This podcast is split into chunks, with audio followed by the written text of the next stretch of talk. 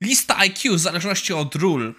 Software inżynier 116,9 punkta IQ. Web developer 115,2, czyli inżynier jest lepszy niż developer. Inteligencja górą. Dobra, żartujemy sobie. A dzisiaj najlepsze wtyczki do VS Code, wypalenie w open source. Czas zaczynać. Cześć, nazywam się Maciej Wrodek, a to jest odcinek na... muszę sprawdzić datę. Na 20 maja 2022. E, co? Jak wiecie, w tym tygodniu odcinki były trochę w kratkę. I to jest nasz ostatni odcinek w tym tygodniu. Mam nadzieję, że Wam pasuje, że wszystko fajnie, że kawusia smakuje. Ja dzisiaj wczor i wczoraj, bo przepraszam, przedwczoraj piłem to samo, a mianowicie zrobiłem sobie iced tea, bo dzisiaj jak nagrywam jest bardzo gorąco. To jest jakaś herbata jaśminowa, tak szczerze, nie pamiętam co to, czego robiłem to iced tea.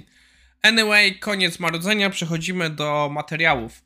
Naszym pierwszym materiałem na dzisiaj jest lista, bo jak wiecie, co lubi Wyrodek, Wyrodek lubi listy, jest lista wtyczek do e, Visual Studio Code dla frontend developera. Powiem wam szczerze, nie wszystkie moim zdaniem są per frontend developer, niektóre przydają się wszystkim. I lista jest dość długa, z fajnymi przykładami, ale ja przejdę od razu do tej, o której przyznam się szczerze nie wiedziałem i to jest moim zdaniem super przydatne, a mianowicie e, wtyczka, która pozwala praktycznie jednym kliknięciem czy jednym skrótem klawiszowym zrobić e, autokomentowanie, że po prostu do logów szły nam informacje.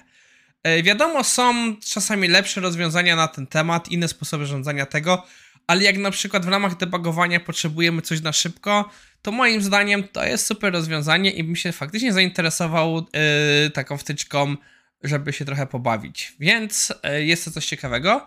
Jest parę innych tutaj ciekawych wtyczek, które mi się spodobały. Yy, jest taka do komentarzy w kodzie, gdzie ona jest że na przykład jeśli używamy odpowiedniej anotacji, czyli na przykład gwiazdki, wykrzyknika, znaka zapytania, to do, to po prostu nam będzie odpowiednio y, malował komentarze. To jest całkiem fajny pomysł, wiadomo, nie wszystkim to może zadziałać, można to zadziałać lokalnie tylko, ale jednak takie znaki z przodu też mogą dawać dużo informacji. Jedyne, czego nie jestem przekonany, to użycie do gwiazdki, bo gwiazdka moim zdaniem to się właśnie kojarzy także z takim tutaj wielolinijkowym komentarzem. Ale no, myślę, że to jest dość ciekawe rozwiązanie. Jak znacie jakieś inne ciekawe wtyczki lub coś innego ciekawego wam na tej liście wpadnie do, do oka, to dajcie mi znać, bo chętnie też usłyszę wasze spostrzeżenia. E, dzisiejszym e, głównym materiałem na dziś jest akurat trochę trudny temat, a mianowicie wypalanie w open source. Jest to temat, który już tutaj nieraz się przejawia, Mamy artykuł z Business Insidera, niestety już niedostępny darmowo, więc korzystamy z Web Archive, żeby do niego się dostać. E, I jest to bardzo skomplikowany temat, a mianowicie autor porusza coś, co już nieraz jest dyskutowane, e, czyli jak wygląda wypalenie. Jest to opisane na początku jako taka bardziej wprowadzenie, sytuacja jednej e, osoby, która prywatnie rozwija jakiś projekt, z którego korzystają ludzie w Microsoftie, w NASA i tak dalej, i tak dalej. I o tym, że ta osoba czuje się wypalona już samym odpisywaniem na maile, na pytania i tak dalej, bo większość ludzi po prostu nie domaga się, że ona ma rozwijać to, ma naprawić błędy, jakie oni mają, a ona nie ma z tego projektu nic. To jest jej darmowy projekt, który nawet niekoniecznie daje jej e, chwałę i sławę, bo jak pokazały niejedne przykłady, na przykład twórcy narzędzi, z których nawet sam Google korzysta nieraz, mają problem nie dostać się do Google'a, bo nie przeszli jakiś interwiu u nich. Więc no co z tego. Tak, jestem trochę w chwały, ale przyznajmy się szczerze, czy wy kojarzycie osoby, które stworzyły narzędzia, z których ko korzystacie?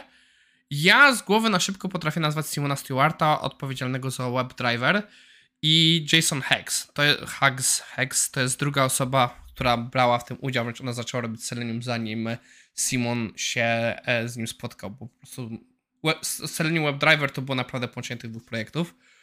Um, a tak to? No, Cezary Piątek, który czasami ogląda nasze wideo, ma Automapper, ale ja sam z Automapera nie korzystam i Automapper robi się trochę także projektem pseudo... nie pseudo, faktycznie komercyjnym, a tak to nie potrafię nikogo więcej nazwać, więc... Yy... Czy wy potraficie? Ja wiem, że będą tu takie osoby w komentarzach jak Grzesiek. Jestem pewien, że Grzesiek poda parę przykładów na Twitterze, e, ale większość z Was, czy jesteście w stanie nazwać e, osoby? No nie wiem. W każdym razie i dyskusja jest na temat tego, że osoby są wypalone, że praktycznie cały open source i większość internetu stoi osobami takimi, łącznie e, i no to nic się z tym nie dzieje. Te osoby nic z tego nie mają. Są niby wielkie firmy, które finansują te projekty, jak Google czy Microsoft, Netflix, ale oba mają bardzo, bardzo restrykcyjne ograniczenia, kiedy za coś płacą i tak naprawdę o wiele bardziej żerują na robocie ludzi za darmo, niż faktycznie dają. E, Co prowadziło do takiej sytuacji, jak na przykład, że było parę lat temu autor z bardzo fajnej biblioteki Faker.js w ramach protestu e, praktycznie skasował całą swoją pracę z internetu. E, Ja ostatnio prowadziłem warsztat i właśnie wtedy sobie o tym przypomniałem. E, Artykuł na ten temat dodałem do materiałów, że będziemy go mieli w najbliższej przyszłości. I e, autorzy pokazują dużą listę rzeczy, że, e, lecz, że przykładów, jak to faktycznie działa. No, mamy trudne czasy. Trochę to jest taki przykład, jak zawsze, że e, mi się przypomina e, Steve, e, Steve Woźniak i w sumie nie jestem pewien, czy Woźniak był Steve. Na pewno był Steve Jobs był, ale Woźniak nie pamiętam, czy był Steve, czy ktoś inny. Ale w każdym razie, jak Steve Jobs wykorzystywał Woźniaka, bo Woźniak na przykład lubiał rozwiązywać problemy techniczne, Steve Jobs znajdował im robotę, Woźniak tak się wkręcał, że bardzo szybko i bardzo dobrze to robił, a później Steve dawał mu jakieś wręcz ochłapy, bo po prostu na przykład e, sprzedawał jego rozwiązania o wiele drożej, a mu mówił, że klient się nie zgodził na taką kwotę i po prostu dawał mu jeszcze połowę tego. I tak to mniej więcej wygląda obecny świat IT. E, Wiele firm korzysta z rozwiązań open source'owych, ale nic tej community nie daje. Ja tak naprawdę, jeśli chodzi o Selenium, to jest też piękny przykład. Jest Selenium Foundation, ale nawet gdzieś ostatnio był wątek na Twitterze, jak Simon Stewart trochę komentował to, że jest gdzieś kurs Selenium, gdzie autor zarabia, wychodzi na to, że per użytkownika jest e, 1000 dolców, a on tak naprawdę jako roz, osoba rozwijająca ten framework nie ma z tego żadnej kasy. Nie z tego, że ten gościu prowadzi ten, e, to szkolenie, bo to wiadomo, ale z tego, że w ogóle to rozwija narzędzie, na którym tyle osób zrobiło biznesy.